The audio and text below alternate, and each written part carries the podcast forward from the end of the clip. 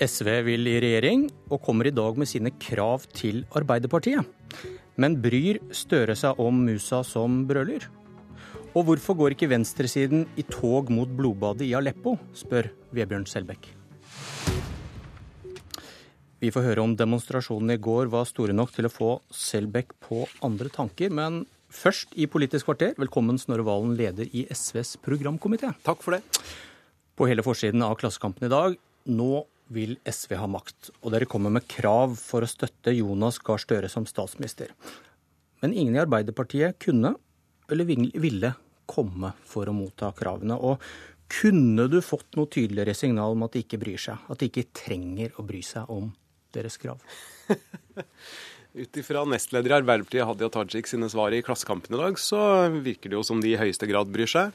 Noen av kravene vi stiller for et forpliktende samarbeid, er jo også ganske krevende for Arbeiderpartiet. F.eks. det å ikke åpne nye områder for oljeboring.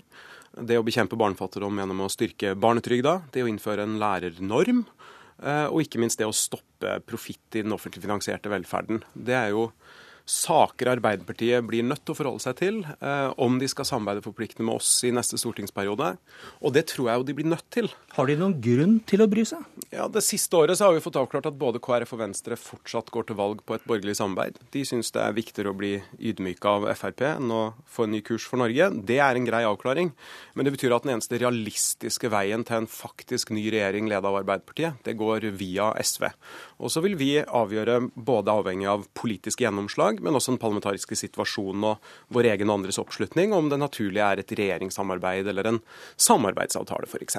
Men kan ikke Støre bare ta dere for gitt? Det er jo sentrum han må fri til, fordi de kan jo bytte side.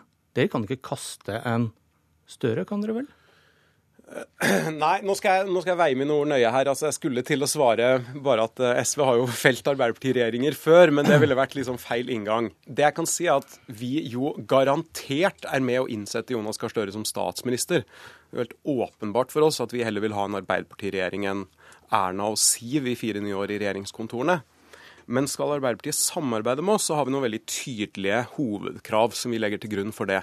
Og det blir Arbeiderpartiet nødt til å forholde seg til, for trass i at de har eh, hvor, hvor, vært det? Dere, dere, dere, ligger der ute på Fløyen med 4-5 dere har ikke noe sted å gå. Ja, For det første så tror jeg vi blir større enn både Venstre og KrF i valget neste år. Utviklinga på målingene så langt i år tyder på det. Men for det andre så har jo tre år med frieri, spesielt til KrF, ikke båret frukter for Arbeiderpartiet.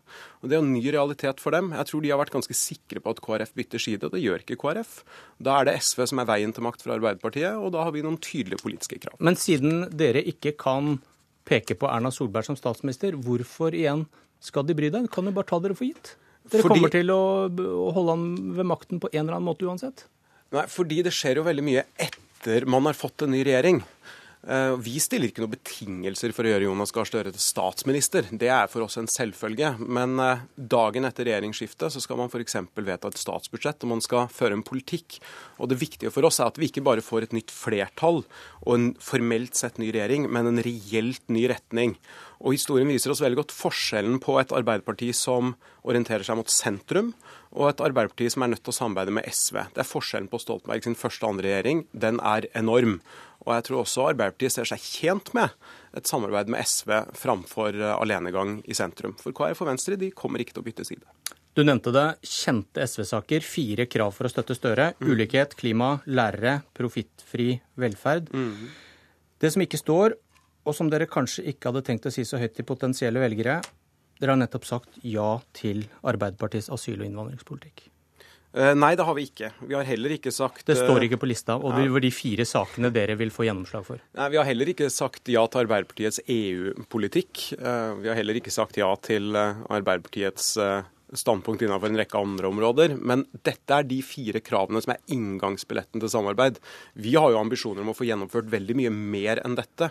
Men dette er fire men er, er, ikke dette, er ikke dette lærdommen? Det er derfor du kommer hit i dag og står på forsiden av Klassekampen og sier at nå har vi prioritert. Disse fire sakene må til for å støtte Støre. Mm.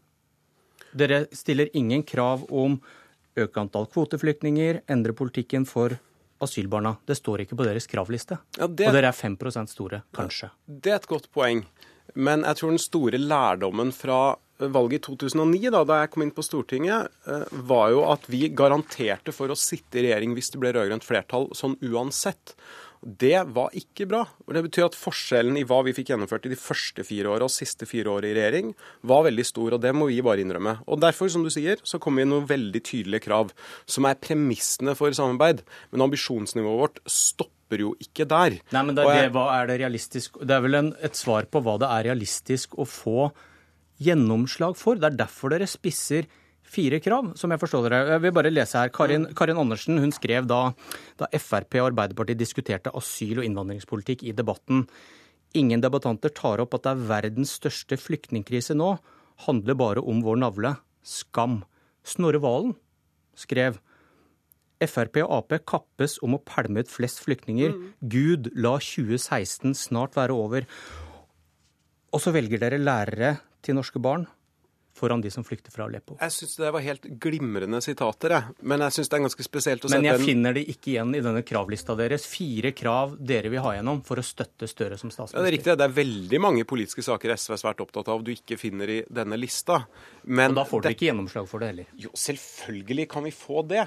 Det er jo også et spørsmål om hva Hvorfor man prioriterer, prioriterer i budsjett fra budsjett f.eks., og fra sak til sak i Stortinget. Og det er jo poenget. Skal vi inngå et forpliktende samarbeid med Arbeiderpartiet, enten om regjeringssamarbeid eller en samarbeidsavtale i Stortinget der Arbeiderpartiet er bundet til å forhandle med oss i sak til sak, så er det disse sakene vi skal ha gjennomslag for. Og får vi gjennomslag for disse sakene, ja da forplikter vi oss også til samarbeid. Og det vil jo gi oss innflytelse på alle de områdene vi ikke har satt på akkurat denne lista.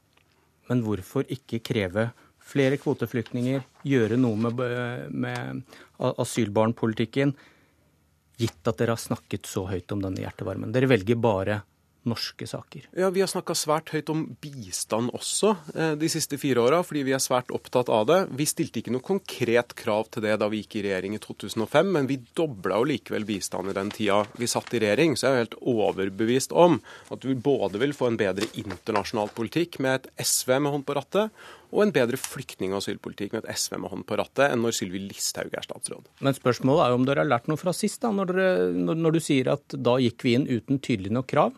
Nå spisser dere kravene, mm. men så sier du likevel at nei, vi skal få gjennomslag også for flyktning- og innvandringspolitikken vår, selv om vi ikke har prioriterte ja, for å støtte Støre? Jeg har ikke tenkt å sitte med lua i handa overfor Arbeiderpartiet. Det har oppstått en situasjon på Stortinget der Arbeiderpartiet er nødt til å forholde seg til både Senterpartiet og SV for å få politisk makt.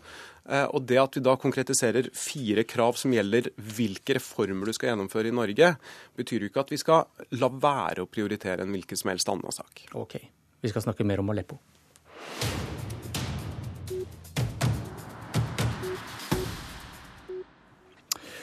Hvorfor er det slik at Gaza skaper svære demonstrasjoner, mens Aleppo nesten ikke mobiliserer noen til gatene? Kan det ha noe med å gjøre at man i Syria-konflikten ikke har noen mulighet til å gi Israel, nasjonenes jøde, skylden? Redaktør i Dagen, Vebjørn Skjelbæk, dette er dine ord. Demonstrasjonen i går kveld gjorde ikke inntrykk? Det er jo fint at det nå på slutten her har vært eh, eh engasjement. Men jeg syns at hvis vi ser det store bildet, dette er jo en konflikt som nå har pågått i seks år. Et blodbad, kontinuerlig blodbad som har pågått i seks år snart. Eh, og da syns jeg det at både engasjementet og evnen til mobilisering på venstresida når det gjelder ulike konflikter i Midtøsten, det er veldig eh, selektivt. Dette har vært en pågående katastrofe eh, der dødstallene nå kommer opp i ja, eh, Noen opererer med 300 000, det er vel det laveste anslaget. Andre har mye høyere dødstall. Men når man ser hva som de siste seks årene hva som virkelig har engasjert venstresida, fått folk i de politiske miljøene ut på gata, så er det Israel-konflikten. Så, så, så Syriakrigen ødelegger fiendebildet til norsk venstreside, er det, er det det du sier? Nei, men det virker som at eh, det i hvert fall forvirrer lite grann. Her er det ikke klar, et klart fiendebilde, en klar mulighet til å eh, angripe Israel eh, politisk. Og da eh, mobiliserer det ikke så mye eh, som det burde ha vært. Jeg spør meg, er det Eh, er det sånn at det ikke bare er dødstall og menneskelig lidelse som da engasjerer, men også muligheten til å angripe politisk Israel, som, som, har vært en, i hvert fall for deler av venstresida, en, en politisk fiende. Snorre Valen fra deler av venstresida, SV. Gikk du i tog i går kveld? Nei, jeg var på jobb. Men ellers så skulle jeg gått i begge markeringene som var i går. Det var jo ikke bare tog eh, for flyktningene i går, men også en protestmarkering utenfor den russiske ambassaden. Så timinga til Selbekk var jo eh, kanskje noe spesiell. Og så må jeg jo si jeg stusser litt på, på problemstillinga Selbekk trekker opp. For det er jo ingen andre enn han som har kommet trekkende med Israel i den sammenhengen her. Det er jo ingen som i alvor hevder at det går an å sammenligne Israel med nedslaktinga Assad-regimet driver med i Syria. Men tar, tar, han, tar han, feil i, i, den faktiske observasjonen han mener å ha gjort? Ja, det synes jeg. Altså, nå leste jo nettopp du, programleder, opp noen sitater også, fra SVs engasjement for de som er på flukt fra Syria. og Der synes jeg jo det er norsk venstreside som virkelig har stått på. En av grunnene til at mange hundre tusen syrere er stengt inne i sitt eget land nå og ikke kan flykte, er jo som en direkte konsekvens av den flyktning- og asylpolitikken som Norge og andre land i Europa fører. Men så skal jeg gi Selbekk en innrømmelse, og det er jo at jeg tror det er mye vanskeligere å få den konflikten rundt den tragiske og brutale krigen i Syria som det er f.eks. i konflikten mellom Israel og Palestina, fordi det er så stor enighet i Norge om at dette er forferdelig, og det er så stor enighet om hvor ansvaret ligger. Eh, og Da syns jeg en bedre parallell egentlig er Marokko og Vest-Sahara. Der er det sånn brei politisk enighet i Norge om hvem det er som er synderen, og hvem det er som er offeret. Og da får du ironisk nok ikke like store demonstrasjonstog, like heftige debatter på radio, for du har ikke de samme motsetningene internt i norsk debatt. Men dette var en annen forklaring enn eh, din som gjelder hatet mot Israel? selv? Ja, hatet mot Israel. Jeg syns i hvert fall at det er veldig interessant å, å lytte til det Snorre sier her. For, for Vest-Sahara og, og, Marokko er jo en annen sånn parallell.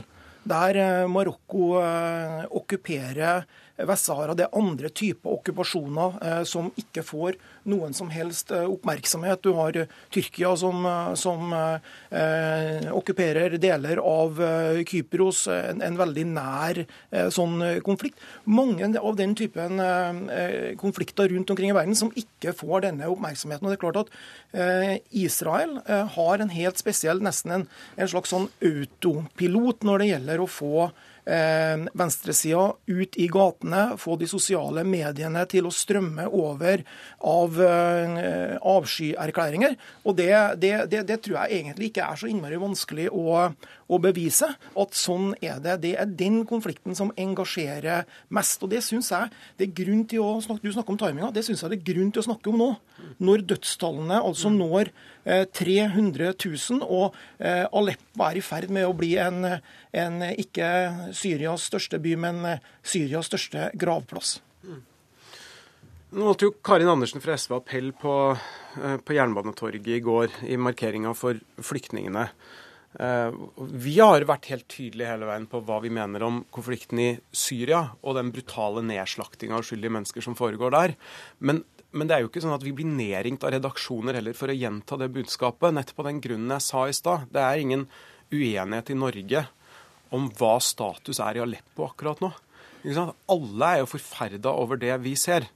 Eh, men det er ikke noe konflikt knytta til det i norsk politikk. Det andre er at Ta mitt eget parti som eksempel. altså Opprinnelig var jo SF, som det het da, et av de mest Israel-vennlige partiene i norsk politikk. Eh, vi har et nært forhold til Israel, og jeg tror kanskje vi forventer mer av et demokratisk land som Israel, et av verdens mest utvikla land nå, enn av brutale diktatur. Og det kan også gi eh, mer debatt over det. Selbekk, Selbek, du spekulerer jo i venstresiden motivet for ikke å engasjere seg nok her. Men, men hva med dine egne? Kan det være å bagatellisere det Israel gjør? Mer enn å peke på hva venstresiden gjør? Ja, la, eh, for all del, jeg vil gjerne, jeg vil gjerne snakke om, eh, om Israel. Jeg. Eh, Israel er et demokrati som gjør så godt de kan, gjør sine feil. Men eh, i dagens situasjon, når eh, vi snakker om Israel i, som befinner seg geografisk i kanskje verdens mest mørke region, så står de fram der som et lys for demokrati, rettssikkerhet, ytringsfrihet, eh, beskyttelse av minoriteter. Og snakker jeg ikke bare om religiøse minoriteter, men også seksuelle minoriteter, Snorre, okay. som du er opptatt av. Men det er ingen andre enn deg som har Israel er det eneste landet der homofile har eh, rettssikkerhet og trygghet og frihet. Okay. Vebjørn Skjelbæk, Snorre Valen, takk for at dere kom til Politisk kvarter. Jeg heter Bjørn Myklebust.